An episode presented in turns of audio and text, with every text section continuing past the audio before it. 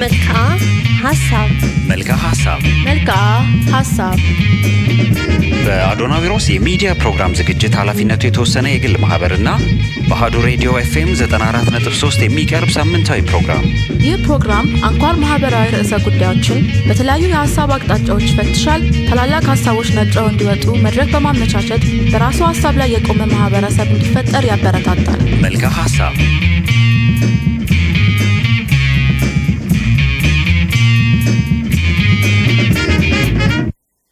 ሰላም የአህዱ ቤተሰቦች እንደምን አምሽታችኋል። በየሳምንቱ ማክሰኞ ምሽት ለአንድ ሰዓት ያህል በቀጥታ ከአህዱ ስቱዲዮ የሚተላለፍላችሁ የመልክዓ ሀሳብ ፕሮግራም ነው። የፕሮግራሙ አዘጋጆች ደራሲና ተመራማሪ ጤንነት ሰጠኝ፣ ሜላት አጥናፉና እንደዚሁም አዲስ የዝግጅት ክፍል ባልደረባ ይዘናል። ሰላም አዳነ ትባላለች። እንኳን ደህና መጣሽ።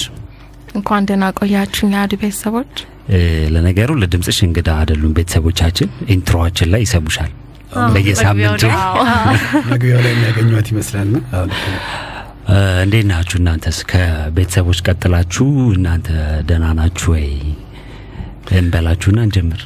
አዎ፣ እኛ በጣም ከዝግጅት ክፍሉ እያሟሟቅን ወደ ወደ ውጭ እንውጣ። አዎ፣ በጣም ሰላም ነን። ዛሬ በርከት ብለን አራት ሆነ መተናል። እንግዲህ ጥሩ ነገርም ይዘን የመጣን ይመስላል። እነዚህ ነገሮች እንወያይበት ይሆናል። እንግዲህ ሜላት? ዛሬ ሰፋ አድርገን ለአራት ነው የምንወያየው። ስለዚህ ጠንከር ያለ ሀሳብ ነው ማለት ነው። እንግዲህ በአራት አቅጣጫ በአራት አቅጣጫ ከአራታችን በተጨማሪ ደግሞ ያው የዘወትር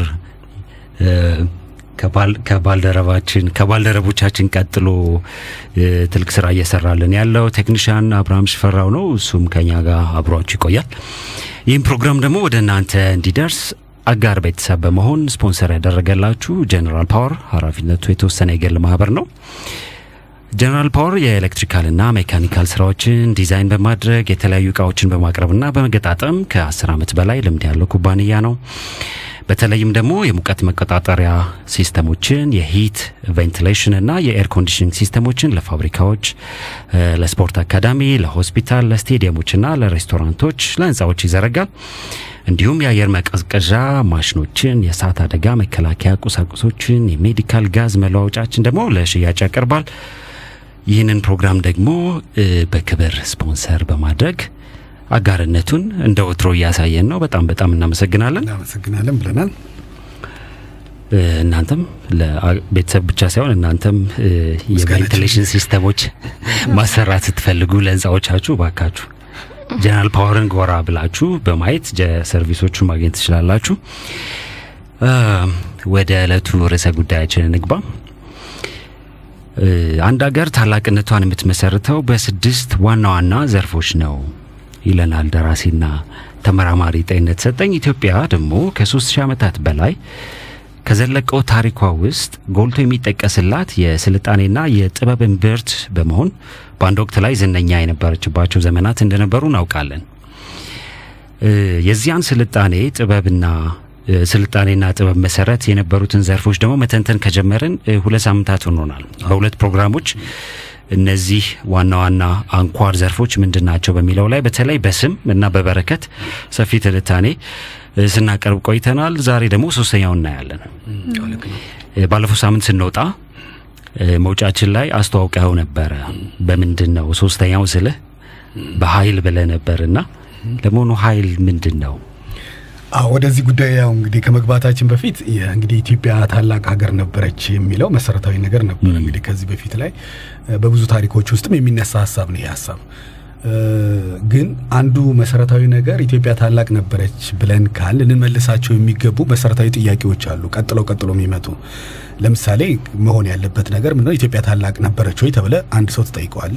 ከዛ አዎ ታላቅ ነች ይላል። አብዛኛውን አሁን የኢትዮጵያን ሕዝብ በብዙ ቦታዎች ላይ ሄደ ብትጠይቅ ይህንን ጥያቄ ኢትዮጵያ ታላቅ ሆና ታቅ ነበር ወይ ቢባል አዎ ነበር ወደሚለው ነው የሚመልሰው። ምክንያቱም በታሪክም ያነባል በተለያዩም የውጭዎቹም ላይ ምናምን የሚሰማው ነገር ይኖረዋል ማለት ነው። ግን አሁን ቀጥሎ የሚመጣው ነገር ምንድን በየትኛው አስተሳሰብ ነበረ ታላቅ የነበረችው ወደሚል ጥያቄ የሚያንደረድር ነገር ይመጣል። ምክንያቱም የትኛው ሀሳብ ማለት ይሄ ርዕዮተ ዓለሙ ምን ነበረ፣ እሳቤው ምን ነበረ ወደሚል ቀጣይ ጥያቄ ያመራል። እስካሁን ብዙ ሰው አልጠየቀውም። ይሄኛውን ይህን መጠየቅ አለበት ግዴታ። ታላቅ ነበረች ብቻ በማለት ላይ ብቻ ብዙዎቻችን ዝም ብለን ብንንጫጫ ይሄ ታላቅነት በየትኛው አስተሳሰብ ላይ ነው የተመሰረተው? ምክንያቱም አሁን አደጉ የምንላቸው ሀገራት አስተሳሰባቸው የተመሰረተበት ርዕዮተ ዓለሙ ርዕዮተ ዓለሙ ይታወቃል። ለምሳሌ አሜሪካን ብትል አሜሪካን ያላት ርዕዮተ ዓለም ወይንም ያንን የምታራምድበት ስርዓት አላት የራሷ ነገር። ሌሎችንም ሀገሮች ብንል እንደዛው ቀድሞም የነበረውን ስልጣኔም ደግሞ የሮምንም የግሪክንም ሌሎችንም አንስተን እንደዚህ እናንሳ ብንልም በየራሳቸው ስልጣኔዎቻቸውን የገነቡበት የአስተሳሰብ መስመር አለ። ስለዚህ ኢትዮጵያ ታላቅ ነበረች ስንል ያ የአስተሳሰብ መስመሯ የትኛው ነበረ? አሁን የዓለማችን ላይ ታላላቅ የምንላቸው በገነቡበት የአስተሳሰብ መስመር ላይ ነው የገነባቸው ወይስ አዲስ የአስተሳሰብ መስመር ነበረው? የርዕዮተ ዓለሙ ምን ነበረ ማለት እንግዲህ በአንድ አስተሳሰብ ውስጥ የሚታይ አሁን በስድስት ዘርፍ እየበተን ነው የምንመጣው ነገር ምን ነበረ ተብሎ ቢባል አሁን እኮ ይህንን አሁን በስድስት ዘርፍ እዚህ እያወራ ነው ያለነውን ራሱ አሁን ላደጉት ሀገራት ወደ መጨረሻው ላይ እናመጣዋለን ብዬ ነው እንጂ አሁን አደጉ እንላቸው ሀገራት ራሱ ይህንን ሀሳብ ብንሰጥ በዚህ ልንለካቸው እንችላለን። እኛ በምንለካው ልንለካቸው እንችላለን። በስማቸው ባላቸው ኢኮኖሚ አቅም እንደዚህ እያለን በአቅማቸው በኃይል ምንትናቸው ምናምን እያልን መለካት እንችላለን። ያው እዚህ ጋር እኛ ስም የምንለው ነው የፖለቲካዊ ወይም ደግሞ ስማቸው የስያሜ ለውጦች ሊኖሩ የስያሜ ለውጥ አድርገን ልናመጣው እንችላለን። ጽንሰ ሀሳቡ ግን ተመሳሳይ በይዘት ተመሳሳይነት ሊያመጣ ይችላል። ልክ እንደዚሁ በተመሳሳይ ሁኔታ ኢትዮጵያም ታላቅ ነበረች ብለን ስንል ያ መለኪያ አለ ማለት ነው እና ግን ጥያቄው የሚነሳው በየትኛው አስተሳሰብ ነበር ታላቅ የነበረችው የሚለው መመለስ አለበት። እኛ ኢትዮጵያን ይህን መመለስ ካልቻል ወደ ማንነታችን እንመጣለን የሚለው ጥያቄ ጥያቄ ውስጥ ነው የሚገባ። በየትኛው ላይ እንዴ ነው? በሌላ ቤት ላይ ቆመህ ስለዛኛው ቤት ማውራት ይቻል ይሆናል፣ ግን እዛኛው ቤት ውስጥ ለመኖር የዛን ቤት ስርዓት የዛን ቤት አኗኗር ማወቅ ይጠይቃል። ሁለተኛ እንግዲህ ይሄኛው ሁለተኛውን እንኳን መመለስ ብንችል ሶስተኛ የሚመጣ ጥያቄ አለ። ሶስተኛው የሚመጣው ጥያቄ መቼ ነው ይህን ነገር ያጣችው ወደሚል ጊዜውን define ማድረግ አለብን። መቼ ነው ይሄ ጊዜ ኢትዮጵያ ከታላቅነት ወይም ከዛ አስተሳሰብ የወጣችው መቼ ነው የሚለው መመለስ አለበት። አሁንም ሌላ ጥያቄ መጣ ማለት ነው። መቼ ነው የወጣችው? ጊዜው መታወቅ አለበት። ከዛሬ መቶ ዓመት፣ ሁለት መቶ ዓመት፣ ሶስት መቶ ዓመት በስንተኛው ክፍለ ዘመን ምናምን የሚለው ጥያቄ መምጣት አለበት ማለት ነው። ከዛ በሶስተኛ ላይ ይሄንንም ለመመለስ ብንሞክር ማለት ነው ምኖትን ለምን ወጣች? ምክንያቱ መታወቅ አለበት እኮ አይደል? ለምን ለምን ጥላው ያንንም ትልቅ ሀሳብ አላት ካልን ትልቅ አስተሳሰብ ነበራት ካል ለምን ወጣች? ምን ምክንያት ገጥሟት? በሌላ ተጽዕኖ ስር ወድቃ ወይስ በሆነ ምክንያት ተፈጥሮ ወይ ምን ተፈጥሮ ነው? አንድ ታላቅ የምትለው ሀገር በሆነ ዘመን ላይ ነበረ። ያንን ታላቅነቱን ሀሳቡን ጥሎት ሲወጣ እንዴት ጥሎት ወጣ? በምን ምክንያት ጥሎት ወጣ የሚለው መምጣት አለበት። ወደ መጨረሻ ላይ መምጣት የሚችለው ጥያቄ ደግሞ መልሶ የሚመጣው ይሄንን ታላቅነት መልሰን ማምጣት እንችላለን ወይ? አሁን ይሄ የኛ ጉዳይ ሊሆን ነው እንግዲህ። አሁን አየህ ወደ መጨረሻ መጣ እና ይህንን ታላቅነት ማምጣት እንችላለን ወይ? ይቻላል። ምክንያቱም አንዳንድ ርዕዮተ ዓለሞች አንዳንድ አስተሳሰቦች በሆነ ዘመን ላይ ሊሰሩ ይችላሉ፣ በሆነ ዘመን ላይሰሩ ይችላሉ። ወይም በተወሰነ ደረጃ ላይ እነኛን ማስተካከል የሚጠይቅ ጥያቄ ሊኖር ይችላል። እንዳለ ልታመጣው ላትችል ትችላለህ። ግን አሁን ካለው ትውልድ አሁን ካለው ሕዝብ ጋር አሁን ካለው አስተሳሰብ ጋር አብሮ ወይም ዓለም አቀፍ ከሆነው ሀሳብ ጋር እንዴት ነው ሊተሳሰሩ የሚችሉት የሚለው መታየት አለበት። ስለዚህ ይህንን ክፍልስ እንዴት ነው ማምጣት የምንችል መምጣት ይችላል ወይ ነው በዚህ ህብረተሰብ ወይስ ካልሆነ እንደ ሙዚየም ውስጥ እንደ ታሪክ ልናስቀምጠው ነው ማለት ነው የምንፈልገው። ስለዚህ እነኚህ መስመሮች ግልጽ መሆን አለባቸው። ግልጽ ካልሆኑ መምጣት አይቻልም። ከዛ መጨረሻ ላይ እንግዲህ እናመጣዋለን ብለን ካል መቼ፣ እንዴት የሚለው ደግሞ መመለስ ጊዜውም define ማድረግ አለብን የራሳችንንም ማለት ነው። መቼ ነው የምናመጣው? እናመጣዋለን ካል ከስንት ዓመታት በኋላ እንግዲህ ስራው መጀመር አለበት ማለት ነው። ከ20 ዓመታት በኋላ ከ30 ዓመታት በኋላ ከ40 ዓመታት በኋላ ካለን እነዛ ነገሮች በደንብ ቅደም ተከተላቸውን ጠብቀው መምጣት አለባቸው እና ይህንን የሚያካትት ነገር ይህንን ነው እንግዲህ አሁን እኛ ኢትዮጵያ የራሷ አስተሳሰብ አላት። ያ አስተሳሰብ በምን በምን ሊለካ ይችላል ስንል ኢትዮጵያ የራሷ የሆነ አስተሳሰብ ለምሳሌ በስሟ ላይ በስሟ ትልልቅ ክብር ያለው ስም ያላት ሀገር ነበረች። በበረከት ዘርፍ ላይ እንዲህ ነበረ። ዛሬ ደግሞ የምናወራው የአቅም ነገር ነበራት የሚሉትን ነገሮች የምናነሳበት ይሆናል ማለት ነው። በዚህ መልክ ነው መተንተን ያለበት ብዬ ማስበው። መጨመር ትችላላችሁ። አዎ እስካሁን ያነሳናቸውም ጥሩ አድማጮችንም የሚይዙ ሀሳቦች ናቸው ብዬ አስባለሁኝ። አንድ ሀገር ኃይል ከሌላት የሌሎችን ማስከተልም አትችልም፣ ተጽዕኖ መፍጠርም አትችልም። በሌሎች ተጽዕኖች ስር ነው የምትሆነው ወደደችም ጠላችም።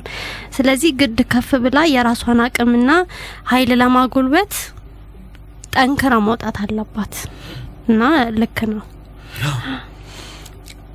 አሁን ኃይል ሲባል ወይም አቅም ሲባል እንግዲህ የተለያዩ መስፈሪያዎች ሊመጡ ነው እንደየሀገሩ ወይም እንደየማህበረሰቡ ወይም እንደየባህሉ ትርጉም ለኃይል ሊሰጥ ነው ማለት ነው። ሶ እኛ አሁን በኢትዮጵያችን ውስጥ በተለይ ደግሞ ታላቅ በነበረችባቸው ወይም ትልልቆቹን ስልጣኖች በገነቡባቸው ዘመናት ኢትዮጵያ የነበራት ኃይል ምንድን ነው? እንግዲህ አሁን ምንድነው እንትኑ ትርጉሙም የበለጠ እንዲገባን ለማድረግ ያክል ለምሳሌ አንድ ሀገር ከሚመሰረታቸው መሰረታዊ ነገሮች ከሚባሉት ውስጥ አንደኛው የስሙን ዘርፍ ነው። ያው ይሄ ፖለቲካዊ የምንለው ሀሳብን ያው ለአህዱ ቤተሰቦች የበለጠ ግልጽ እንዲሆንላቸው ሀሳቡ በዛኛው የተጠቀምንበትን ቋንቋ ወደዚህኛውም እያመጣ ማውራት እንችላለን። ስለዚህ ለምሳሌ ስም ብለን እኛ የተካንበት ዘርፍ ላይ ይሄ ፖለቲካዊ የሚባለው ዘርፍ ነው በዛኛው በኩል ላይ የሚመጣው። ምክንያቱም ፖለቲካ ይሄ የስም ግንባታው ላይ ነው በጣም የሚሰራበት፣ ምክንያቱም መሰረታዊ ስለሆነ እዛ ዘርፍ ላይ ማለት ነው። እና ያስተሳሰቡ ስርዓቱ ዲሞክራሲ ምናምን የሚባለው ሌላ ቦታ ነው ያለው አለ እዚሁ ዘርፍ ላይ በኋላ ሌላ ቀን በሚቀጥለው ላይ ምናነሳው ይሆናል። ግን ይሄ ስም የሚባለው ዘርፍ ላይ መገንባት ነገር ለምሳሌ አደጉ የምትላቸው ሀገራት ስሞቻቸው ትልልቅ ናቸው። ስማቸው ትልልቅ ብቻ መሆን ሳይሆን ስማቸው ተጽዕኖ አሳዳሪም ነው። ገብተዋል። አሁን ትልልቅ የምንላቸው ሀገራት ተጽዕኖ አሳዳሪ ነው። ምሳሌ የአንድ ሀገር የትልቅ ምንሳ ምሳሌ አሜሪካን እንደዚህ ያደረገች ቢባል ለዜናውም ራሱ ትልቅ ነው። በትንንሹ ነገሮች ውስጥ ስሙ ከፍ ያለ ስለሆነ ስሟ ከፍ ያለ ስለሆነ ያላት ነገርም እንደዛ ነው። ስለዚህ ስም የምንለው ክፍል በራሱ የተገነባ በዛ ማህበረሰብ ውስጥ ትልቅ ቦታ የያዘ ነገር ይታይበታል። ስም የምንለው እሱን ክፍል ወስደ ነው። ሁለተኛ ያነሳ ነው ኢኮኖሚካል የምንለው ይሄ ኢኮኖሚ የሚባለው ወይም ደግሞ የሀብት መጠኑ የምንለው ነው። አሁን በፊት በረከት ያልነው ክፍል ኢኮኖሚው ማለት ነው። ስለዚህ ኢኮኖሚው ግን ሁለት እንደሆነ ነው እኛ አሁን እያነሳን ባለፈው ሳምንት ሁለት ያነሳ ነው ምንድን ነው አንደኛ ይሄ ቁሳዊ የሆነው ኢኮኖሚ ሲሆን ሁለተኛው ደግሞ መንፈሳዊ የምንለው የማይታየው ኢኮኖሚ ዘርፍ ነው። ኢትዮጵያ በተሻለ ደረጃ ከዚህ ከቁሳዩ ወደ እንትኑ ታደላለች ነው። ግን አሁን ዓለም በሚያውቀው ንፍታው ካለ ደግሞ ኢኮኖሚያዊው ማለታችን ነው ማለት ነው። አሁን ያለውና አሜሪካን ወይም ለአደጉ የምንላቸው ሀገራት ኢኮኖሚያቸው ትልልቅ ነው። ማደግ ማለት በኢኮኖሚም ማደግ ነው፣ በስምም ማደግ ነው፣ በኢኮኖሚም ማደግ ነው። በሶስተኛ የሚመጣው ይህ አሁን ኃይል የምንለው ክፍል ይህ ወታደራዊ አቅሞቻቸውን አሁን ብትመለከታቸው ማለት ነው እንግዲህ ወታደራዊ አቅማቸው በአንድ ሀገር ላይ ተጽዕኖ የማሳደራቸው አቅም አንድን ሀገር ላይ የሚፈልጉትን እነሱ የእነሱን interest የእነሱን ፍላጎት በሚፈልጉት መንገድ ለማምጣት የሚያስችላቸው ሙሉ አቅም አላቸው። የአቅም መሰረታዊ ነው። ካለበለዚያ አቅም የሌለው ሀገር በሌሎች አቅም ስር መውደቁ አይቀርም። በሌሎች ሀሳብ ስር በሌሎች ሀሳብ ስር ማለት ይቀላል መሰለኝ። በሌሎች ሀሳብ ስር መውደቁ አይቀርም። ምክንያቱም የሌሎች ሀሳብ ነው ተጽዕኖ የሚያሳድርበት አማራጭ ሊኖረው አይችልም ማለት ነው። ስለዚህ ይሄ አቅም ደግሞ በሁለት መንገድ ነው የሚገነባው። ልክ በኢኮኖሚው ላይ ሁለት መንገዶች መተን እንደገነባ ነው ሁሉ ይሄ የኃይልም አቅም በሁለት መንገድ ነው የሚገነባው። አንደኛው እንዳልኩ ይሄ በዘመናዊ በሆኑ በጦር መሳሪያዎቹ በታጠቀ የጦር ኃይል በዘመናዊ በሆኑ ነገሮች ምናምን የታጠቀ ክፍል በሚታየው የተገነባ አንድ ሲሆን ደግሞ ሁለተኛ በማይታየው የተገነባ ሁለት ነው የሚሆነው ማለት ሁለት ነገር አለ። ለምሳሌ ይህንን ዝም ብለን እንውሰደው ካል በኢትዮጵያና በጣሊያን መካከል ላይ የተካሄደውን ጦርነት ማየት እንችላለን። በኢትዮጵያና በጣሊያን መካከል የተካሄደውን ጦርነት ብናይ በጣሊያን በኩል ላይ የምንመለከተው በሚታየው ነገር የተገነባ ትልቅ እንትን አለ፣ የጦር ኃይል አለ። እዛ ጋ ታያለህ አይደል? በጦርነቱ ላይ መጣው የታጠቁት መሳሪያ፣ ዘመናዊ ወታደር ምናምን፣ የሰለጠነ ወታደር ገብተዋል። እና በብዙ መንገድ ስትመለከት እዛ ጋ ይሄ በቁሳዊ በሚታየው ክፍል ከፍተኛ የኃይል ክምችት ትመለከታለህ እዛ ጋር በሁለተኛ ይህንን በቁሳዊ የኃይል ክምችቱን ወደ ኢትዮጵያ መጥተህ ብትመለከተው በኢትዮጵያ ወታደር ላይ ብታየው ደግሞ ያልሰለጠነ ወታደር ማለት በያ ከየአካባቢው ተጠራርቶ ነው የመጣው። ከየቤቱ ነው ተጠራርቶ የመጣው። ገበሬ ነው አብዛኛው ገበሬ ነው አብዛኛው። ስለዚህ ከያለበት ተጠራርቶ ሀገሩ መውደዱ ነው የመጣው። ሁለተኛ ይዞት የመጣ የጦር መሳሪያ ጎራዴውን ምናምን ነው ያ መድፍ ምናምን ይዞ ነው የመጣው። ስለዚህ ስትመለከት በቁሳዩ በሁለቱ ቁሳዊ መንገድ ስትመለከት ያኛው እንደሚበልጥ ጥያቄ ያለው ነገር አይደለም። ነገር ግን ይሄ ኃይል የምንለው ክፍል እንደገና ልክ እንደ መንፈስ እንደ እንትኑ ክፍል የማይታይ ክፍል ደግሞ አለው። መንፈሳዊ የሚባል ሌላ ዘርፍ አለው። ስለዚህ በዛ ዘርፍ ደግሞ ኢትዮጵያ የተሻለች ነበረች ከጣሊያን ጦር በተሻለ ኢትዮጵያውያኖቹ ደግሞ በዚህ በመንፈሳዊ ወይም ደግሞ በዛኛው ዘርፍ ላይ ትልቅ አቅም ነበራቸው። አቅማቸው ትልቅ ነው። ስለዚህ በሁለቱ መካከል በተካሄደው ጦርነት አየህ ቁሳዊ የሆነውን ነገር ያኛው ቁስ በቁሳዊ ስንለካ ትንሽና ትልቅ የሆኑትን ትንሹ ትልቁን አሸንፎታል። ያ ሊፈጠር የቻለው ከበስተጀርባ ያለው ክፍል ነው።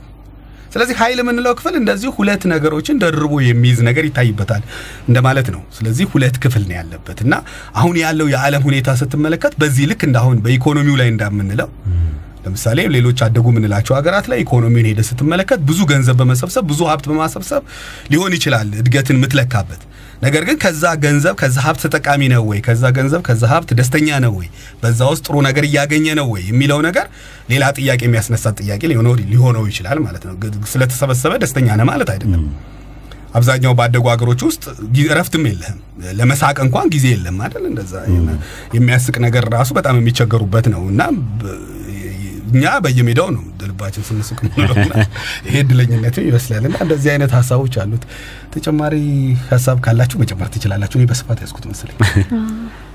ምን አላችሁ እስቲ ተጨማሪ ሜላት? በኃይል ዙሪያ ማለት አዎ በኃይል ዙሪያ አሁን እንዴት እንመልሰዋለን የሚለው ጥያቄ ውስጥ የሚገባ ይሁንና ኢትዮጵያ ግን ቀደምት በነበረው ስልጣኔዋ ሀያል የነበረች ሀገር እንደነበረች በብዙ ጥናቶችም በእጆቻቸውም ስራዎች የምናያቸው ናቸው። ለምሳሌ የራሷን ፊደል በመቅረጽ አንጻር ብናየው በጠፈር ምርምሯ የራሷ የጊዜ አቆጣጠር የነበራት ምናልባት የጊዜ አቆጣጠርን እንመጣበት ይሆናል። ጥንታዊ ስልጣኔ የጥንታዊ ስልጣኔዋን መሰረት ስናጠና የፀሐይ መስመር አቆጣጠር የሚባለውን ትከተል እንደነበር በጥናትና በምርምር ዘርፍም በእጽዋቶች በተለይም የተለያዩ መዛግብቶቻችን ብራናዎቻችን ወደ ተለያዩ ሀገሮች በተለያዩ አጋጣሚ በመሄድ ጥናትና ምርምር እየተደረገባቸው እንደሆነም እናያለንና አንድን የአንድን ሀገር ኃይል ስናነሳ እንዴት ሌሎች ላይ ተጽዕኖ መፍጠር እንደምንችል የሚለውም በዚህ በዚህም ደግፈን ማንሳት እንችላለን። እኔ ደግሞ አንድ የሚታይ ነገር ከዚህ ከኃይል ጋር በተያያዘ በተለይ አሁን የምናወራው ኢትዮጵያ ስላላት የኃይል ጉዳይ ስለሆነ ማለት ነው። ሌሎች ሀገራትን ወይም ሌሎች ሕዝቦች ላይ ተጽዕኖ የማሳደር ኃይል እንዳለ ሆኖ በሌላ አቅጣጫ ደግሞ አገሪቱ የራሷን ሀሳብ፣ የራሷን ጥበብ፣ የራሷን style እንበለው ልክ አሁን ግለሰብ በቃ የራሴ style ነው እንደሚለው ሀገርም ይሄ የኔ style ነው ብላ የምትሄድበት ወይም የምትተዳደርበት የራሷ ያስተሳሰብ ዘርፍ አላት እና እሱንም የመጠበቅ ከዓለም አቀፍ ወራሪዎች ማለት ነው። ምክንያቱም ብዙ ሀሳቦች ስላሉ የትኛውም ሀሳብ ሌላኛውን ሀሳብ በበላይነት ለመቆጣጠር ብዙ ጥረቶች አሉ በዓለም ላይ እንደምናውቀውና በኢትዮጵያም ኬዝ ስናየው በታሪክም ስናየው ከብዙ ሀገራት አሁን ከአፍሪካ ሀገራትን ጋር ስናነጻጽረው ቋንቋን፣ ባህልን፣ ጥበብን በማቆየት የተሻለ የተሻለ ኃይል እንዳላት እናያለን። ምንም እንኳን አሁን በሚታየው ይሄ በወታደራዊ በምናምን ብለን በሚሰፈረው ወይም በሚለካው የኃይል ሚዛን ትንሽ ነች ወይም ደካማ ነች ብንል ብናስቀምጥም ግን በማይታየው ስናየው ኢትዮጵያ በቃ የራሷን የሶስት ሺህ ዓመት እንትኑ ሙሉ ለሙሉ እንዳልጠፋም እናያለን። ከዚህ ሁሉ ዓመት ተጽዕኖዎች በኋላ እንኳን ጽሁፋችን እስካሁን አለ። በሚገርም ሁኔታ ቋንቋችን እስካሁን አለ። እና ከጀርባ ያለውንም በማይታየው ዘርፍ ላይ ያለውንም ጦርነት የሚያሸንፍ የሆነ ኃይል እዚህ ምድር ላይ እንዳለም አብረን አብረን ማየት እንችላለን ከኃይል ጋር ማለት ነው። በጣም ጥሩ ሀሳብ ነው። ምንድን ነው እሱ አንዱ ነገር ይሄ በስነ ፍጥረት ምርምሮች ውስጥ በስነ ፍጥረት አስተሳሰቦች ውስጥ ሁለት ነገር ነው ብዙ ጊዜ የሚነሳው። እሱ ምንድን ነው የሚታየው ክፍልና የማይታየው ክፍል ተብሎ ነው የሚመጣው። የሚታየው ክፍል በዚህ በአብዛኞቻችን የምንለካው ወይም በጊዜያት የሚለዋወጠው ክፍል ማለት ነው። ለምሳሌ ትውልድ ይሄዳል፣ ትውልድ ይመጣል አንድ ትውልድ ይቀጥላል፣ ሌላ ትውልድ ይመጣል። በእያንዳንዱ ትውልድ ውስጥ የራሱ አስተሳሰብ አለው፣ የራሱ ነገር አለው፣ የሚያሳልፈው ነገር አለ። ከዚህ በስተጀርባ ደግሞ የማይታይ የሚባለው ክፍል ደግሞ ሌላ አለ። ለምሳሌ ይሄ ኢትዮጵያዊነቱ መሰረቱን ይዞ የሚጠብቀው ደግሞ የሚመጣ ደግሞ ሌላ ክፍል ደግሞ ከኋላ በኩል አለ።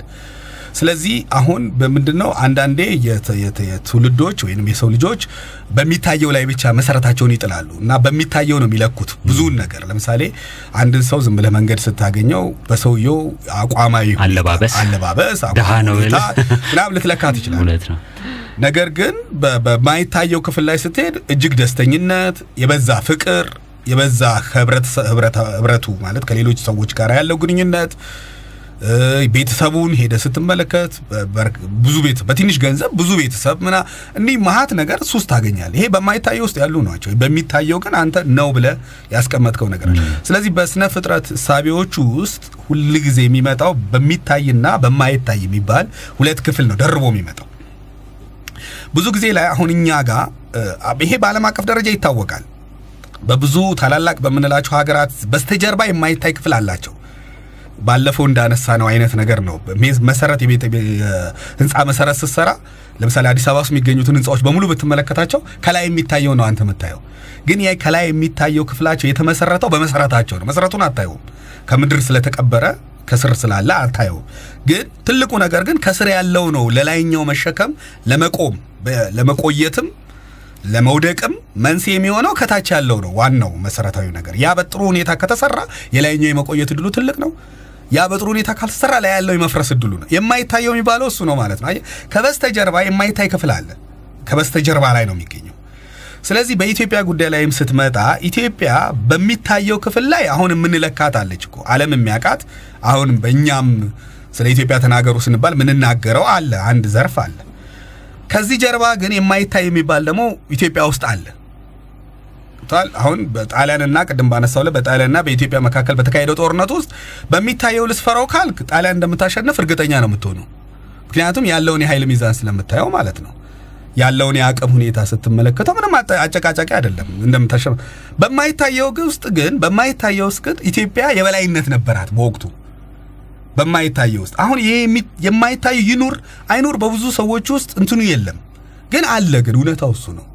አሁን አንተ እንዳነሳኸው የብዙ ነገሮቻችን እስከ ዛሬ ድረስ ያለ መጥፋት ወደፊትም ያለ መጥፋት even የፈለግከውም ነገር ቢመጣ ባለፈውም እንዳነሳው ምዕራባዊ ሀሳብ የፈለገውን ያክል ቢመጣ ሊንደው የማይችል ሊያነቃንቀው የማይችል ከኋላ በኩል በጣም ግዙፍ የሆነ ለዓለም ብርሃን ሊሆን የሚችል አዎ፣ በጣም ትልቅ የሆነ የማይታይ ክፍል አለ። እሱን ማጥናት ነው ከሁሉ በላይ የሚበልጠው። እሱ ነው የኢትዮጵያው መሰረት። በቃ አሁን ይቺ ሀገር አበቃላት በምትልባቸው ሰዓታት፣ ይቺ ሀገር በቃ ከዚህ በኋላ ተስፋ የላት በምትልባቸው ጊዜያት ታሪክ ይፈጠራል። ሌላ ታሪክ፣ ሌላ ዓለም አቀፍ ታሪክ ነው ደግሞ የሚፈጠረው። መመልከት ትችላለህ። በርካታ የአንደኛው ዓለም ጦርነት በሁለተኛ በብዛት በምትመለከታቸው ሂደቶች ውስጥ ኢትዮጵያ የነበራት ነገር ሌላ የአፍሪካ ሀገራት ላይ ችግሮች ሁሉ የአንጃቦ መጥተው እነሱን ማዕበሉ ሲውጣቸው ኢትዮጵያን ግን አልዋጣትም። ይሄ በሚታየው ጠንካራ ስለሆነች አይደለም። ሌላ ሀገር ላይ ያለው ሰው ነው ኢትዮጵያ ውስጥም ያለው ሰው ኢትዮጵያኖች የተለየ ነገር ስላለን ምናምን አይደለም። ሌላ ሀገር ላይ ያለው ነው ያለው። ግን አበቃ በምትልበት ሰዓት ላይ የሆነ ራሱ የሚገለብጠው ነገር አለ፣ አይታወቅም። እና ምን ተፈጠረ ትላለህ ራስህ። ድንገት ነው የሆነ በቃ አንዴ መጥቶ ሳታስበው የሚመጣ ነገር በቃ ድንገት አንተ ጋር የሚፈጠር ነገር ይፈጠራል። እና ያ ሲፈጠር ነገሮች ሁሉ ይቀየራሉ። ባልጠበቀው ሰዓት ነገሮች ተቀይሮ ታያቸዋል። ያ ሁሉ የተገነባ ያ ሁሉ ነገር ይፈርሳል። ለምሳሌ ባለፉት ምናት አሁን አሁን በሶሻሊዝሙ ስርዓትም አብሮ በነበረበት ሰዓት በደርግ ጊዜ ላይ ምናምን ብትመለከት የነበሩ ሙቭመንቶች የሚናቃቸው አሁን ሲቀየሩ በቀላሉ የተቀየሩ፣ ግን የሚቀየሩ አይመስሉም ነበር አይደል በወቅቱ። እና እያንዳንዱ አሁንም ያሉት ነገሮች ስትመለከት እንደዛው ተመሳሳይ ነገር የሆነ በየወቅቱ እየተቀያየረ ያለ ነገር ታያለ። እነዛን ግን ማን ነው እሱ እየመራቸው ያለው? ማን ነው አቅጣጫ እያስያዛቸው ያለው? እና ይሄን ስታይ እዚች ሀገር ላይ ከበስተጀርባ በኩል አንድ ታላቅ ነገር እንዳለ ምንም የሚያጨቃጭቅ ነገር አይደለም። ይሄ መሰረታዊ ነጥብ ይመስለኛል። ስለዚህ የማይታየውን ነገር ላይ ጥናት ነገር ባካሄደን በደንብ ብንይዘው ወደ ኋላ ታሪካችን ይመልሰናል ወደሚለው ልንደርስ እንችላለን ማለት ነው። አዎ እንደውም ትልቁ መሰረታዊ ነገር እሱ ነው። ምንድን ነው እሱ? አሁን ቅድም ያነሳ ነው ኢትዮጵያ የራሷ ሀሳብ አላት የራሷ አስተሳሰብ አላት ወይ የሚል ጥያቄ ሲመጣ በብዛት መልስ ሆኖ የሚመጣው ነገር ኢትዮጵያ በብዙ ነገሮቿ ማለት ነው በበርካታ ነገሮቿ ውስጥ ትልቁን መሰረት የገነባቸው በማይታየው ውስጥ የገነባቸው ነው። የማይታየው ፍሬ ነው። ይሄ ፊት ለፊት ላይ ያየ ነው። አሁን ቅድም ያነሳሽው ካላንደሩን ብናስበው፣ ጽሁፎቹን ብናስባቸው፣ ስነ ህንፃዎቹን ብንመለከት ምክንያቱም አሁን በዚህኛው ዘርፍ ላይ ያሉት ዜማዎችን ብትመለከቻቸው ለምሳሌ ኖታ መጽሐፍ ስድስተኛ ክፍለ ዘመን አካባቢ ኢትዮጵያ አስራ አራተኛ ክፍለ ዘመን አውሮፓውያኖቹ እነሱ ቅርብ ናቸው እኮ ገና ኖታን መጽሐፍ ድምፅን ወደ እንትን መቀየር ማለት ነው። ኢትዮጵያ ወደ ጽሁፍ ቀይሮ ማስቀመጥ እነዛ ግን ቀድመው የመጡበት ነገር እንዳለ ይታያል። እና ብዙ ነገሮችም አሉ። ይሄ ማቴማቲክስ እንትኑ ላይ ራሱ አልጎሪዝም እንትኖቹ ላይ ራሱ እነዛን የተጠቀሙባቸው ቀመሮቹ ላይ ስንመጣ ብዙ ጥበቦች ይሄ እነኚህ እንደውም ያላወቅናቸው እነኚህ ሁሉ ፍሬዎች ናቸው። በምኑ ላይ ነው የተመሰረተው? በዛኛው ላይ መስርተው ያመጡት ነው። የዛኛው በዛኛው ጥበብ ላይ በዛኛው አስተሳሰብ ላይ መስርተው ነው ይሄኛውን የፈጠሩት። ምክንያቱም ይሄኛው የተሻለ ነገር ሊያመጣላቸው የቻለው እሱ ነው እና እኛ ያላየነው አንድ አንድ ገጽ ኢትዮጵያ ውስጥ አለ ነው እኛ እያነሳነን አንድ ገጽ ኢትዮጵያ ውስጥ አለ። ያ ገጽ ደግሞ የሚጠፋም አይደለም እኛንም አሳልፎ የሚሰጥ አይደለም ነገር ራሱንም አገ- አገሪቷንም የሚጠብቅ የሚጠብቅ አይነት ነገር ነው። እንግዲህ እንደዚህ አይነት ይሄ እኮ ሀሳብ ራሱ ያው ዝም ብለን እንደዚህ ከወሰድ ነው እኮ በንግርቶቹ በምን እኮ አለ እግዚአብሔር ፈጣሪ እግዚአብሔር ፈጣሪዋ ይጠብቃታል።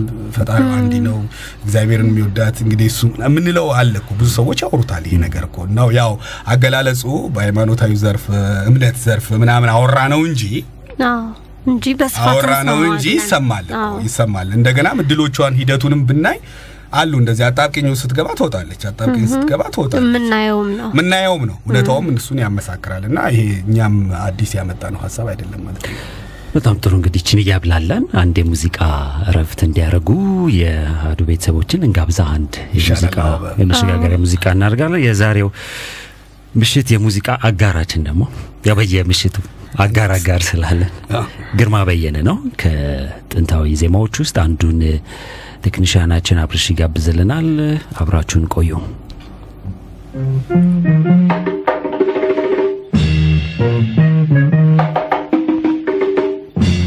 ፍቅር እንደ ክራ በመቼ ይቃኛል አንቺ በቃኝ ካልሽኝ የኑሮዬን ተስፋ ጥየው ነበር ባንቺ እስቲ ራቃት በይኝ ቀርበሽ ተጫወቺ መቼም መረጥኩኔ ለብቻ ንግሮ እራቃሽኝ እንጂ ከአምና ዘንድሮ ሰውን ከና ያጣም በጥልቅ ካልተማረ ፍቅር ይበቃኛል። መች ይባል ነበረ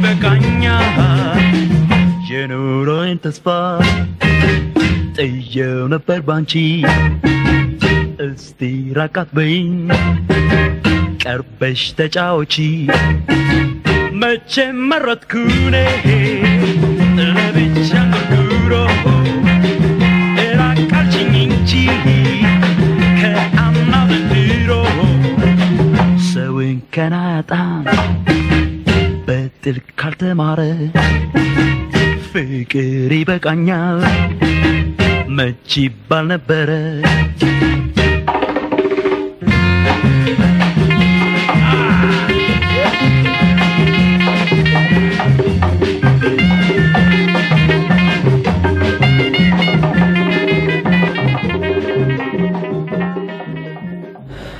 ተመልሰን ተገናኝተናል። ውድ ቤተሰቦቻችን የምትገኙት በአህዱ ሬዲዮ ኤፍኤም 94.3 ላይ ነው።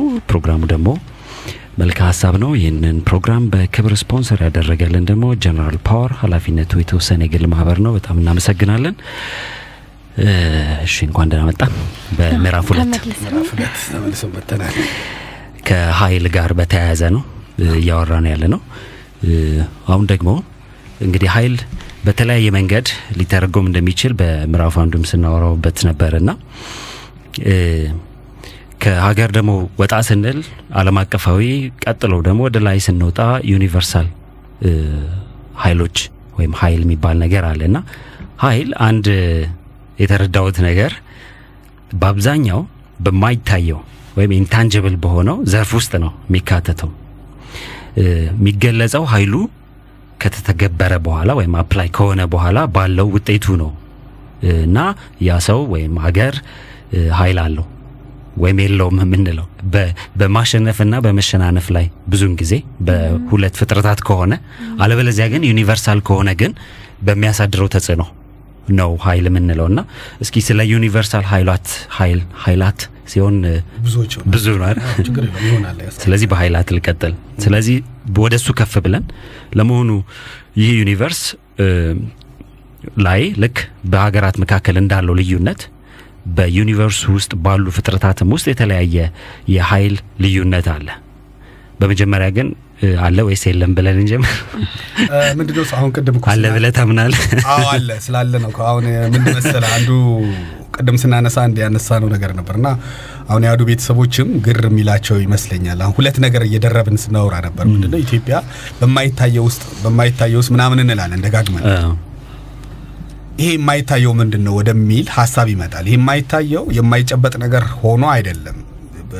በዩኒቨርሳል ወይም ደግሞ በዩኒቨርሱ ውስጥ የሚገኝ በትልቅ ሀሳብ ላይ የሚገኙ ሀሳቦች የሆኑና ለዚህኛው ታች ላለው በሚሰጥበት በማይታየው ውስጥ ላል ለምሳሌ ቆይ ቀላል ምሳሌ ላምጣና ላስረዳችሁ።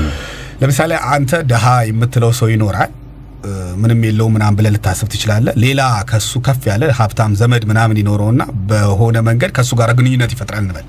ስለዚህ ያ ሰው ገንዘብ ይሰጠዋል እንበል እና በኩል መጠን ላይ ያሉ ሁለት ድሆች አሁን እዛው አካባቢ ላይ ቢኖሩ ያኛው በዛኛው በሌላ አካል የመ- የመታገዝ አቅም ካለው ወይም ደግሞ ከፍ ባለው ነገር የመታገዝ አቅም ካለው ያ ከፍ ያለው ከኋላ በኩል የሚያግዘው አካል አሁን ለዚህ ለእኛ ስናስበው የሚታይ ሊመስለን ይችላል። ግን ለማለት የፈለጉ በስተጀርባ ነው ያለው ማለት ነው አይደል? ከሰውየው በስተጀርባ ነው ያለው የሚረዳው ሰው ወይም አሜሪካን አሁን ዘመድ አለው እንበል ገንዘብ ይልክለታል እሱ ይሄኛው ደግሞ እዚህ ሀገር ውስጥ በስራው እየደከመ እየለፋ እየወጣ ነው። ሁለታችሁም አንድ መስሪያ ቤት ትሰራላችሁ እንበል።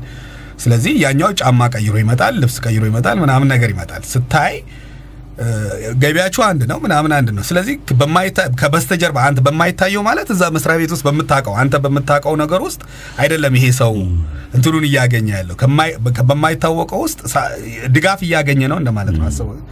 ስለዚህ የማይታየው ሲባል በኢትዮጵያ ውስጥ በትልቅ ሀሳብ ላይ በትልቅ አስተሳሰቦች ላይ ያለች ሀገር ስለሆነ ይሄ የዩኒቨርሱ ላይ የሚገኘውን የአስተሳሰብ መስመሮች ማለት ይሄ ለምሳሌ የአስትሮኖሚ እንትኖቹ ላይ የሚታየው ስለ ፀሐይ፣ ስለ ጨረቃ፣ ስለ ከዋክብት ምናምን ስላለ እውቀት አላት ሀገሪቷ። እነዛ ደግሞ በራሳቸው ምክንያቱም የዚህ ዓለም ነገር የተበታተነ አይደለም። ዝም ብሎ ብትንትን የምትለው አንዱ በአንዱ አምሳል ነው። አንዱ በአንዱ አምሳል ነው። እኔ ያለው እኔ ከቤተሰቤ ቤተሰቤ ከማህበረሰቡ ማህበረሰቡ ከሀገር እያለን አንዱም በአንዱ ውስጥ ሀገር ደግሞ ከዓለም አቀፉ ጋር እያለን እየገነባ ነው እንደምንመጣ ሁሉ በጥበብ ዘርፍም ተመሳሳይ ነገር አለ። ስለዚህ አንድ ሀገር የጥበብ መሰረቷን ከበስተጀርባ በኩል በዩኒቨርሱ ላይ ካሉት አስተሳሰቦች ውስጥ በየትኛው ላይ ነው የገነባቸው? በትልቁ ዘርፍ ላይ የገነባች ከሆነ ያ ያግዛታል ማለት ነው። በቃ ሌላ አዲስ ተአምር ይመጣል ማለት አይደለም። ሀሳቢው ገብቷል ወይ? በሌላ ቋንቋ እንውሰደው፣ ለሃይማኖተኛ ሰው ዝም ብለን እንውሰደው። ፈጣሪን ያመልካል፣ በእግዚአብሔር ያምናል። ስለዚህ በማይታየው ውስጥ የሚያግዘው አለ ማለት ነው። አንድ እግዚአብሔር በእግዚአብሔር የሚያምንና አንድ ማያምን ሰው ሁለቱ እርስ በርሳቸው ቢጣሉ በእግዚአብሔር የሚያምነው ሰው ያሸንፋል። ዜና አሁን ምንድን ነው ብለህ ስትል በማይታየው ውስጥ እሱን የሚያግዘው አካል አለ ማለት ነው አይደል እንዴ? ያ የማይታየው የት ነው ያለው? አለ እኮ አይደል? ከበላይ ስላለ ነው እንጂ በትልቁ ስላለ ነው። ስለዚህ የማይታይ ስንል ሳቤው ገባ እንደነዚህ አይነት እይታዎች ውስጥ ነው መምጣት ያለበት እና ላነሳልኝ ጥያቄ በዩኒቨርሱ ውስጥ ትልልቅ ይሄ አቅም ምናምን የሚባሉ ሳቤዎች አሉ። አዎ አሉ። ከዛ የሰው ልጅ ይጠቀምባቸዋል። አዎ ይጠቀምባቸዋል። ስለዚህ በዚህ ዘርፍ ላይ የፀሐይ፣ የጨረቃ፣ የከዋክብት የሚባል አቅምን የሚተካ የአራት ቅኝ አቀድ ፍጥረታት ተብለው የሚተነተን ዘርፍ አለው እና እሱን የያዘ ክፍል ይታይበታል ማለት ነው። ዋናው የኃይል ምንጭ ማን ነው ማለት እንችላለን? እንግዲህ ይሄ ዩኒቨርስ አሁን ይሄ ዓለማችንን ዝም ብለን ስንመጣ በአራት መሰረታዊ ነገሮች ውስጥ የተገነባ ነው። ራሱ አገነባቡ እንደዛ ነው የሚያሳየው። እነዚህ ምንድናቸው? አንደኛው ፀሐይ ነች የምትሆነው፣ ሁለተኛ ከዋክብት ነው የሚሆኑት፣ ሶስተኛ ጨረቃ ነው የሚሆነው፣ አራተኛ እኛ እንደምንኖርባት አይነት መሬት ያሉ ወይም ደግሞ አሁን ሳይንስ እንደሚለው ፕላኔት ብሎ ይላቸዋል። በእርግጥ ከዚህ ከኛ ሀሳብ ጋር በተወሰነ እንትን ሊል ይችላል።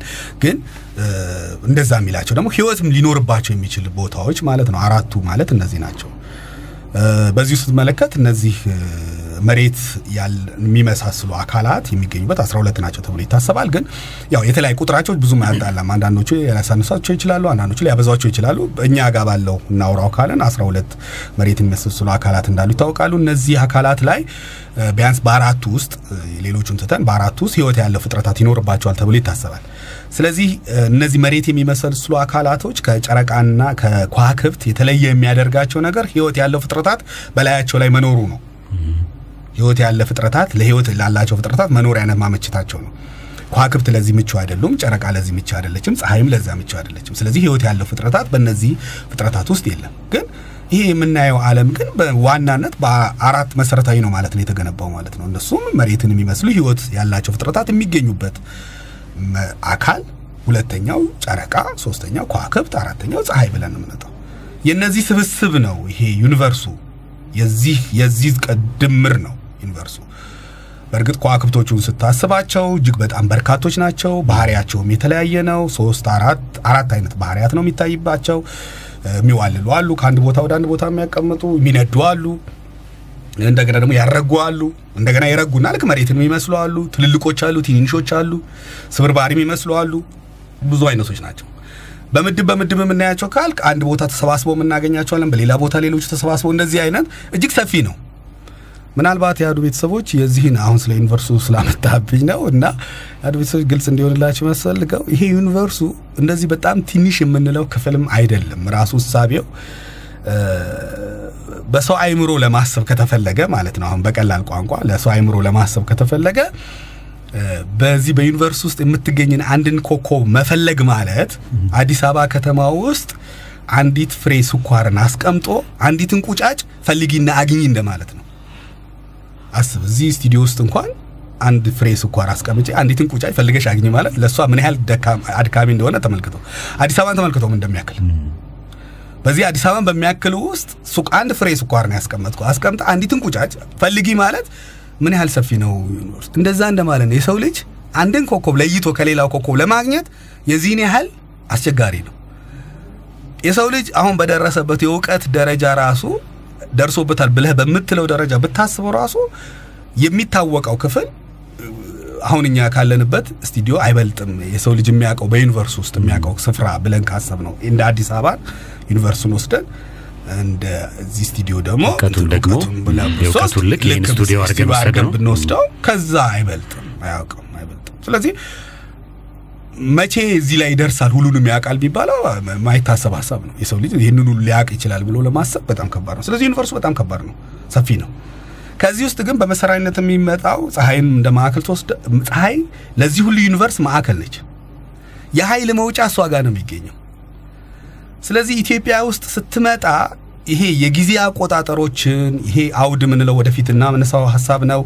በ91 በ91 ቀን የሚመጣ ይሄ መጋቢዎች የሚባሉ አሉ። እነዚህ እነዚህ ዘርፎች በሙሉ ከዚህ ከፀሐይ ጋር የተያዙ ናቸው። ኢትዮጵያውያኖቹ በተሻለ መጠን የቀን ቆጠራቸውን ሌሎቹንም እሳቤዎች በዚህ በፀሐይ ዘርፍ ላይ አምጥተውታል በጣም ያ የሆነበት ምንድነው? የኃይል ምንጭ የዛ የዩኒቨርሱ ምንጭ እሷ ነች። አሁን ዓለማችን ላይ የምናገኛቸው በርካታ የአስተሳሰብ ዘርፎች የግሪክንም የምንንም ብትመጣ በጨረቃው ዘርፍ ላይ ነው በጣም የሚሽከረከሩት። በዛኛው ላይ ነው የተሽከርክረው የምታያቸው። ይሄ ወራትን ቆጠራ ላይ ምናምን መጥተህ ምናምን ብትመጣ በዛ ዘርፍ ነው የሚመጡት። ስለዚህ የኢትዮጵያ ግን በጣም በተለየ ሁኔታ አንዳንድ ጸሐፊዎች ዝም ብለው ያው ኢትዮጵያ ፀሐይን ታመልክ ነበር ምናምን በፀሐይ ዘርፍ ላይ ያለው ምንድነው ማዕከላዊ የሆነውን የአቅም ማለት የዩኒቨርሱን ማዕከላዊ የሆነውን የእሳቤ ነው። እንዴት ነው ፀሐይን እንደ አምላክ ማየት ብለን ሳይሆን መሰረታዊ ነው። ከዛ ጋራ ከዛ አስተሳሰብ ጋራ የተያያዘ ግንኙነት የነበረን ነገር ይታይባታል ማለት ነው። ለምሳሌ በኢትዮጵያ ውስጥ ከሚታወቁ አንዱ ዘርፍ እነዚህ የአውድ አውድ የምንላቸው ምንድን ነው? ይሄ ወቅቶቹ የሚቀያየሩበት ማለት ነው። በዘጠና በዘጠና አንድ ቀን የሚቀያየሩት አሁን ሰኔ 23 24 ገባ መሰለኝ ሁለተኛው አውድ የውሃው አውድ ገባ ማለት ክረምት ጀመረ ማለት ውሃው አውድ ጀመረ። ከዛ ሲቀጥል ደግሞ የንፋሱ አውድ ይቀጥላል። ከዛ የአፈሩ አውድ እንደዚህ እያለ ነው circular የሚያደርገው። ስለዚህ እነኚህ 91 91 ቀናቶችን ራሱ ለውጦቹ የሚከናወኑት በፀሐይ ዙረት ነው። ፀሐይ በ45 ዲግሪ በ180 ዲግሪ rotate ታደርጋለች በራሷ ላይ። ይሄ ሳይንስም አሁን ነው ገና rotate ማድረጓን ያወቀው ራሱ ግን ይሄ ይታወቃል። በኢትዮጵያ ሀሳቢዎች ውስጥ አለ። ፀሐይ በራሷ እንደምትዞር ይታወቃል። ወቅቶችን እንዴት እንደምታመጣ ይታወቃል። ስለዚህ ይሄ አስተሳሰቦች ራሳቸው ትልቅ እሳቤዎች ናቸው እና እዛ ዘርፍ ላይ በጣም ብዙ ሰርተውበታል እነሱ። በዛ ዘርፍ ላይም ብዙ ጥልቅ የሆኑ ነገሮች ይታይበታል። ስለዚህ ያ ምንድነው የአስተሳሰብ ማዕከል ሀሳብ ነው ማለት ዝም ብለን ፀሐይን አሁን በሚታየው እንውሰድ እንኳን ብንል አንድ ኮከብ ብት አንድ ኮከብን ብትጥለው ዩኒቨርሱ አይፈርስም። መሬትን ብታጠፋት ዩኒቨርሱ አይፈርስም። ፀሐይም ጉዞዋን ትቀጥላለች፣ ሌላውም ይቀጥላል። መሬትን ብታፈርሳት ማለት ነው። ፀሐይም ብትነካት ግን ዩኒቨርሱ በሙሉ ይፈርሳል። አየህ፣ ማዕከል ነው ማለት ነው። አየህ፣ ሴንትራል የሆነ ነገር ማዕከል የሆነ ነገር ይታያል ፀሐይ ላይ ማለት ነው። ስለዚህ ይህንን ደግሞ በዛ እሳቤ ውስጥ ከወሰድከው ማለት ነው። ምክንያቱም እዛ ውስጥ አቅም ምናምን የዛ የጊዜ ኃይል የግዝፈት መውጫ ነች። ጊዜ ግዝፈት የሚባል አለ። ሌላ ጊዜ የምናነሳው ሀሳብ ይሆናል። ስለ እነዚህ እሳቤዎች መውጫ ነች። ምክንያቱም ሁሉ ነገር በጊዜ የተያዘ ነው። የማንኛውም ህይወቶች በእንደዛ ውስጥ ነው፣ በግዝፈት ውስጥ ነው፣ በኃይል ውስጥ ነው መሰረታቸው የሚጥሉት። የእነዚህ ሁሉ መሰረት መውጫ ነች ፀሐይ እና የዛን አስተሳሰብ በፀሐይን ፀሐይን ራሷን ብለን ሳይሆን ከእሷ በስተጀርባ የሚገኘውን የአስተሳሰብ መስመር ላይ ያለውን ነገር ኢትዮጵያውያኖቹ ያውቁት ነበረ። ዩኒቨርሱም ከዚህ ጋር የተያያዘ ነበረ። ስለዚህ ስለ ዩኒቨርሱ ያላቸው እውቀትም ሆነ ያንን የመጠቀምም ለምሳሌ ጊዜ ልኬትን ስትመጣ በቀን ትቆጥራለ፣ በሳምንታት ትቆጥራለ፣ ከዛ በአውድ ትቆጥራለ፣ በአመታት ትቆጥራለ። ከዛ አሁን ይሄ ብዙ ሀሳቢዎች ውስጥ የሚመጣው ዩኒቨርሱ ምንድን ነው የሚሆነው? ከአንድ ቀን ይጀምራል መልሶ ወደ አንድ ቀን ይጠቀለላል ይላል።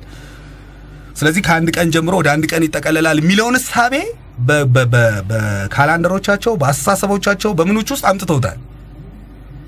ገባ? ያ ደግሞ እንዲቀላል ነገር አይደለም ያለው በራሱ በየጊዜው የሚመጡ ወደዚህ ምድር ላይ ለበረከት የምንለው ቅድም ላነሳ ነው ለተለያየ ነገሮች የሚያገለግሉ ነገሮች አብሮ ተያይዘው ይመጣሉ ማለት ነው። ለዚህ universe ኡ አቅም ክፍል አለው። አዎ አለው ራሱን ችሎ እና ኢትዮጵያዊ ሀሳብ ከዛ ከዛ የዛ እውቀትም የዛ ጥበብም ከዛ ጋርም ግንኙነትም ብዙ ስራዎችም ከዛ ጋር አብረው እንደተሰሩ ይታወቃል ማለት ነው። Okay አዎ ኢትዮጵያ በጣም የራሷ የሆነ አስተሳሰብ ከ- የራሷ የሆነ calendar እንዳላት ነው ዛሬ የተረዳ ነው እና ይሄ ሁሉ ነገር ከራሷም አልፋ ወደ ዩኒቨርሱ ሄዳ እ፣ ይሄን ነገር የማብራራት አቅም አላት ኢትዮጵያ ማለት ነው። ስለዚህ አሁን ትንሽ ወደ ኋላ ልመልስና ኢትዮጵያ ይሄን ሁሉ ነገር አላት። ታዲያ መች ነው ይሄን ነገር ያጣ ነው የሚለውን ጥያቄ ትንሽ ልታብራራልኝ ትችላለህ? እ፣ እንግዲህ ይሄ ሀሳብ በእርግጥ ምንድን ነው እሱ ረጅም ርቀት ይወስደናል። ማለት መቼ ያጣችው እ፣ በአንድ ጊዜ በአንድ ጀንበር ያጣችው ነገር አይደለም። ያው በሂደት እየጠፋ እየጠፋ እየጠፋ የመጣበት ነው። በመጀመሪያ ላይ በጽሁፎቹም በተለያየ ነገሮችም እነዚህ ነገሮች ነበሩ ማለት ይቻላል።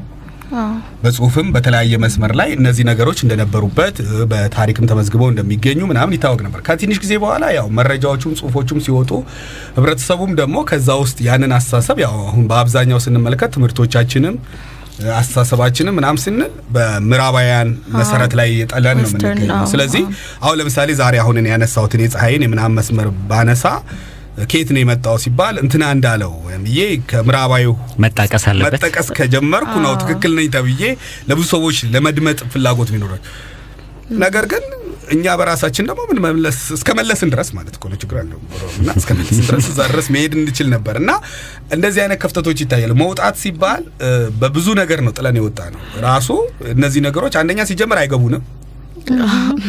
አንዱ ትልቁ ነገር ላንረዳቸውም በጣም ሩቅ ነው የሚሆኑብን፣ ርቀዋል ከኛ። ሁለተኛ እኛ የተገነባ ነው በምዕራባዊው እንዴት ነው በበሰለ ነገር መብላት ነው የለመድነው ያለቀ ነገር። ለምሳሌ ጠቅሳለሁ እስከ ጠቀስኩኝ ምንጩን ተናገርኩ። ከዛ በቃ ችግር የለም ያ ምንጩን የነገረኝ ሰው ነው በቃ ያ ነው። ግን እሱ ምንጩን የነገረኝ ሰው ራሱ ከየት አመጣው ብዬ ብጠይቅ ደግሜ መቼስ እኔ ጋር መድረሱ አይቀርም። አሁን እኔ እንደማወራው መድረሱ አይቀርም። እውነት ነው። አዎ ከራሱ መነሳቱ አይቀርም መቼስ አይደል? ወደ ኋላ ስንሄድ ወደ ኋላ ስንሄድ መቼስ እኔ ከእንትና ከሰማው እንትና ከእንትና ከሰማ የመጀመሪያው ሰው ከየት አመጣ ነው ጥያቄው የሚመጣው። ሲመጣ የመጀመሪያው ሰው ያመጣበት ቦታ ያው የሆነ ነገር ይኖራል ማለት ነው እና እንዴት ወጣን ለሚለው ጥያቄ በጊዜያቶቹ በምን መጡ የሚለውን እስቲ በሌላ ዘርፍ ላይ በደንብ እንመጣበታለን። እሱን ዘርፍ ግን በጊዜ ሂደት ግን ቀስ በቀስ ጥለን እንደወጣን ነገር የሚያሳይ ነገር ግን አለ እና ከወጣንም ደግሞ ቆይተናል። እንደዚህ አጭር ጊዜ አይደለም። ዱካችንም የጠፋበት ጊዜ ኢትዮጵያውያን ከፀሐይን የፀሐይን ኃይል ወይም ፀሐይን እንደ ማዕከለ ኃይል እንደሚጠቀሙ የምናየውም አንድም በህይወት ዘይቤዎቻችን ውስጥ ከፀሐይ እንቅስቃሴዎች ጋር የተያያዙ ነገሮችን በጣም ብዙ እናያለን። በኢትዮጵያ ውስጥ ማለት ነው። ግብርናችን ብንመለከት ምክንያቱም አብዛኛው ያው አብዛኛው ሰው ከተሜ አይደለም ገበሬ ነውና እ፣ የግብርና እንቅስቃሴዎቻችን የት ጋር ጀምረው የት ተዘርተው የት እንደሚሰበሰቡ ሁሉም የተያያዘው ከፀሐይ እንቅስቃሴ ጋር ነው። ጉዞዎች ሲደረጉ በክረምት በበጋ እያለ ነው ሰው ጉዞ የሚያደርገው። የእምነት ስርዓቶች ወይም በዓላት የሚከናወኑት ከሆኑ ከፀሐይ የተወሰኑ እንቅስቃሴዎች ጋር ቀጥተኛ ግንኙነት አላቸው። ፀሐይ የፀሐይ ጊዜ የውሃ ቀደም ያልካቸው ጋር የተገናኘ ነገር አለው እና ምናልባት አሁን አሁን ላይ ያለው ትውልድ እንደዚህ በቀጥታ አሁን አንተ ባስቀመጥከው መንገድ መተንተን ባይችልም በህይወቶች ውስጥ ግን በህይወት ዘይቤዎች ውስጥ ግን ይህ ሀሳብ ተበታትኖ አለ አሁንም ድረስ ሳናቀውም ቢሆን አለ ከፀሐይ ጋር ተያይዞ ፀሐይን እንደ ኃይል በመጠቀም ሁሉንም የህይወት ውሳኔዎቹን የሚወስነው ከፀሐይ ጋር አገናኝቶ ነው። እንደዛ አይነት ነገር ነው የማየው። አሁን ካወራው ነገር ጋር በጣም የሚያያዝ ነገር አለው ልልህ ነው። ትክክል ነው። ምክንያቱ ለምንድን ነው? አሁን ወቅቶቹ በሌሎቹ ሀገራት ምናልባት በተወሰነ ኢትዮጵያንም ጨምረ መካከል ላይ የሚገኙት ሀገራት ተመሳሳይ ነገር ይታይባቸው ይችላል። ሌሎቹን ሀገራት ላይ ስትሄድ ደግሞ የፀሐይ መነገር ይቀንሳል። ለምሳሌ በጊዜ አስር ሰዓት አካባቢ ሊመሽብህ ይችላል ምናምን እንደዚህ አይነት ለውጦች ያሳያል። ወደ ላይ ነው ወደ ጫፍ ወደ ታች ስትሄድ የመካከል አካባቢ ላይ ይበልጥ ወደ ኢትዮጵያ አካባቢ ላይ ስትል የፀሐይን ነገር ለማውራትም የሚያመችበት ቦታ ነው። ምክንያቱም አካፋይ ስለሆነ አካፋይ ቦታ ላይም ስላለ ያው ብዙ ጊዜ ስናወራኛ ለምሳሌ ቀናቶቹን ስንወስድ ቢበዛ ከ12 ሰዓት የ30 ደቂቃ ልዩነት ካልሆነ ብዙም እንትን አያደርግም። እነሱም ቢሆኑ የፀሐይ እንቅስቃሴዎቹን ነው የሚያመጡት። እንግዲህ ያው የአህዱ ቤተሰቦች የሚገባቸው ይሄ ፀሐይ አንድ አቅጣጫ ተከትላ አይደለም አመቱ ሙሉ የምትንቀሳቀሰው። ለምሳሌ በምስራቅ ወጥታ በምዕራብ ትገባለች። ያው ሁሉም ሰው የሚያውቀው ነው። ግን በምስራቅ ወጥታ በምዕራብ ስትገባ አመቱ ሙሉ በምስራቅ በምትወጣበት አቅጣጫ አይደለም በምዕራብ ሁል ጊዜ አመቱ ሙሉ የምትወጣው ወይም የምትገባው በምዕራብ አቅጣጫ በወጣችበት አይደለም አመቱ ሙሉ የምትገባው።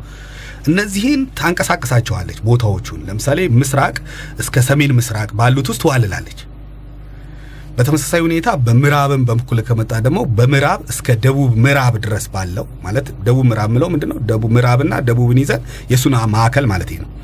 ከዚህ ከምዕራብ እስከ ደቡብ ምዕራብ ባሉት ውስጥ ደግሞ ትንቀሳቀሳለች በአመቱ ውስጥ። እነዚህን እንቅስቃሴዎችን ግን በዘፈቀደ አይደለም የምታረጋቸው።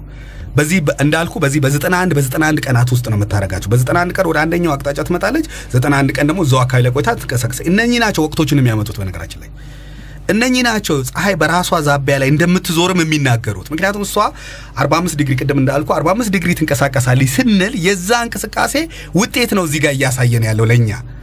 ምክንያቱም ወደዚህ የምትንፋቀቅበት ምክንያት ነው። የአህዱ ቤተሰቦችም ከፈለጉ አሁን ያለበትን የአሁኑን ሰዓት ይውሰዱትና ሰኔ ወር ላይ ነን ያለ ነው። ፀሐይ ቤት በኩል እንደምትወጣ ይዋት። ከሶስት ወራት በኋላ ላይ ፀሐይን ይመልከቷት። በዛው አቅጣጫ አይደለም የምትወጣው። ወይ ወደ ጎኑ ፈቀቅ ትላለች፣ ወይ ወደዛ ፈቀቅ ትላለች።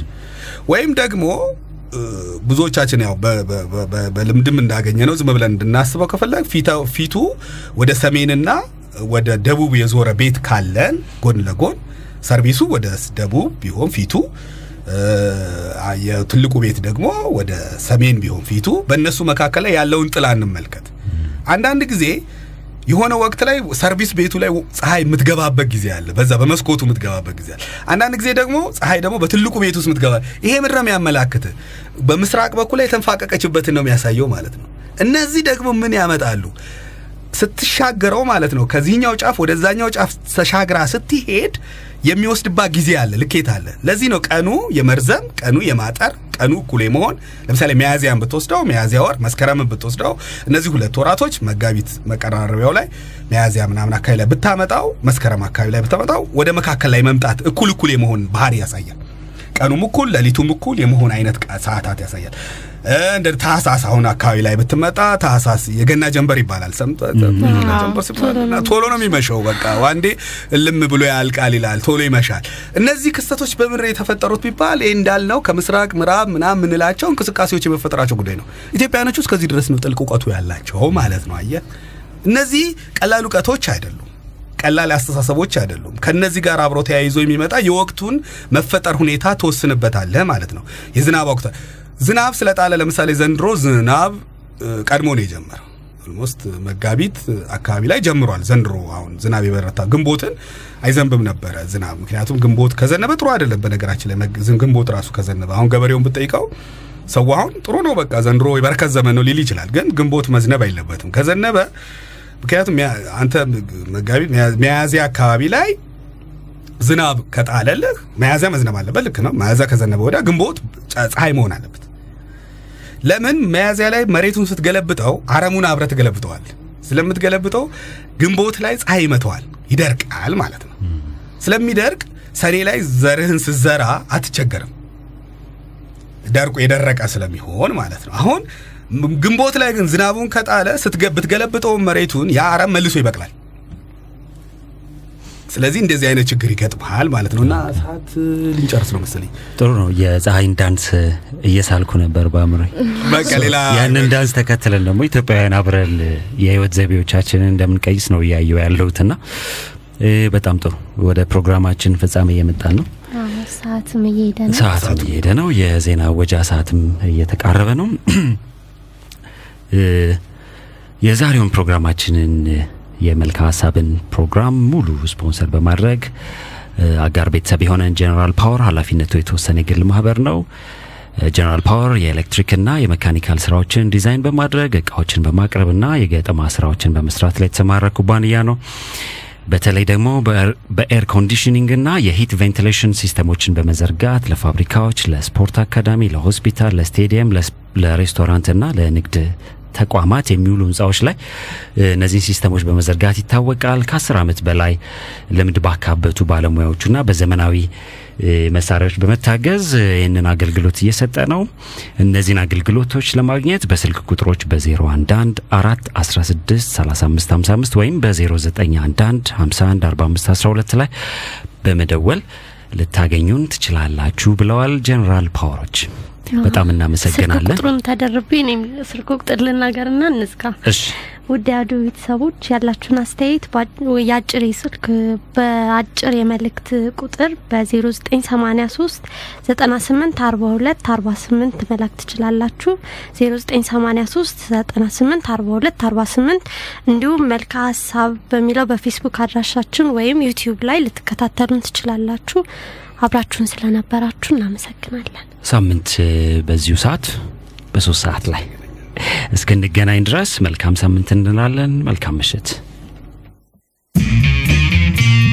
መልካ ሀሳብ መልካ ሀሳብ መልካ ሀሳብ በአዶናዊሮስ የሚዲያ ፕሮግራም ዝግጅት ኃላፊነቱ የተወሰነ የግል ማህበርና በአሀዱ ሬዲዮ ኤፍኤም 94.3 የሚቀርብ ሳምንታዊ ፕሮግራም። ይህ ፕሮግራም አንኳር ማህበራዊ ርዕሰ ጉዳዮችን በተለያዩ የሀሳብ አቅጣጫዎች ይፈትሻል። ታላላቅ ሀሳቦች ነጥረው እንዲወጡ መድረክ በማመቻቸት በራሱ ሀሳብ ላይ የቆመ ማህበረሰብ እንዲፈጠር ያበረታታል። መልካ ሀሳብ